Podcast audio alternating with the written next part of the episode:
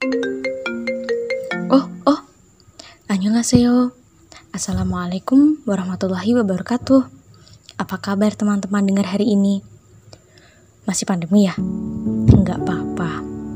Sebenarnya, pandemi ini jadi fase pembelajaran yang berharga banget.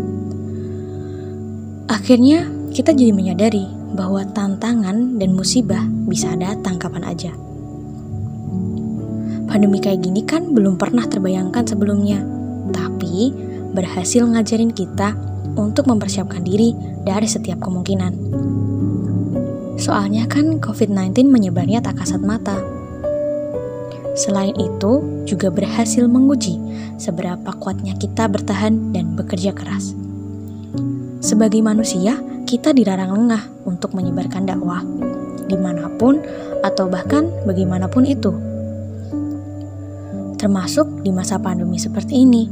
Hingga akhirnya kita jadi mengerti bahwa hakikat hebatnya seorang muslim diuji dari masa-masa pandemi seperti ini. Saking dahsyatnya ombak pandemi, banyak korban yang meninggal jadi tamparan buat kita bahwa kehilangan dan kematian itu amat sangat dekat.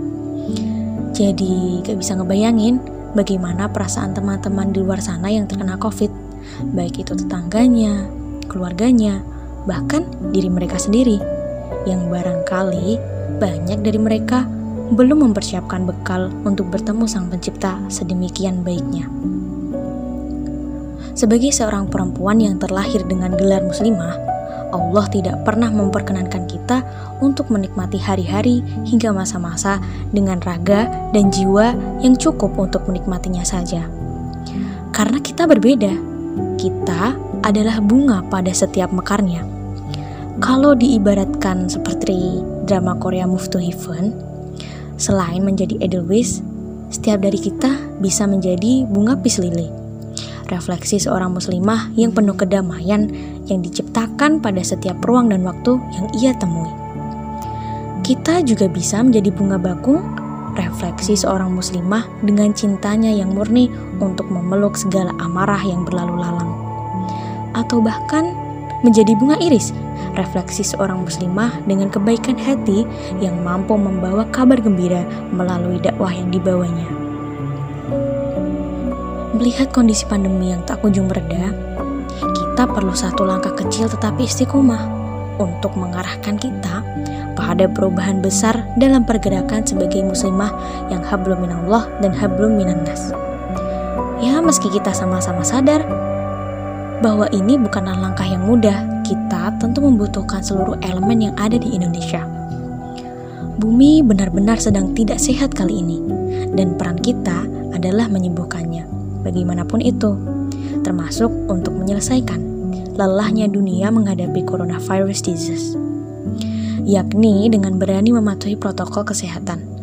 Memang terdengar klise dan mudah untuk dilaksanakan, tapi siapa bilang perjuangan ini akan cepat sampai dan baik-baik saja. Teruntuk teman-teman dengar, berbicara soal menerapkan protokol kesehatan itu letaknya ada di berani menjadi berbeda. Cause it's okay to be different, isn't everything look beautiful with difference? Yang pertama, berani beda dengan sering memakai masker ketika di luar rumah. Jangan dianggap remeh, karena bukti di lapangan masih banyak sekali masyarakat yang gak berani pakai masker.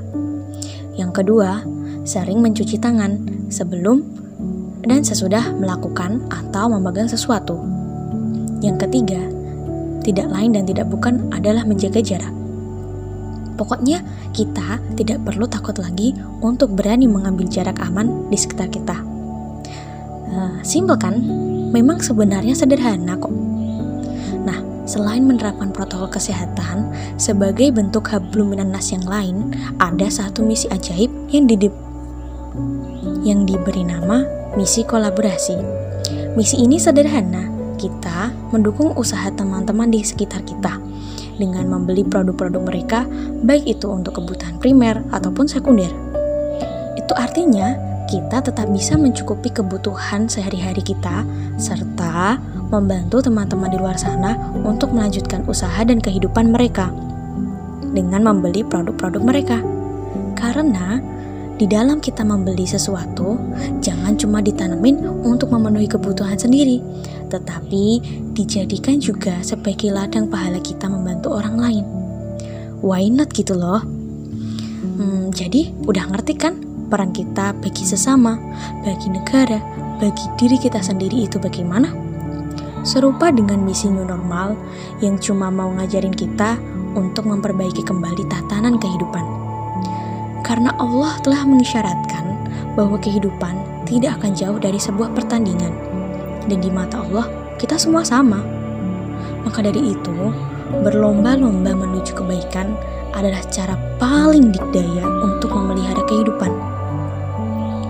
Harapannya, semboyan bineka tunggal ika yang kita punya nggak cuma jadi seremonial belaka untuk ditempel di dinding-dinding sekolah, betul-betul bisa mempersatukan kita sebagai warga negara Indonesia yang mampu bersatu karena perbedaan.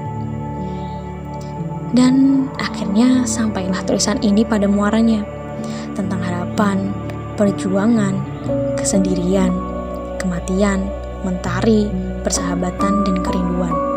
Kita hanya perlu mau melihat dan berusaha punya hati yang jernih untuk bisa menemukan mereka. Tetap semangat ya, jaga kesehatan, makan yang banyak.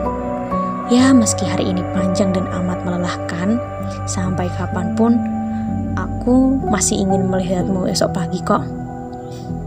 Sampai jumpa. See you on another podcast. Terima kasih banyak. Bye bye.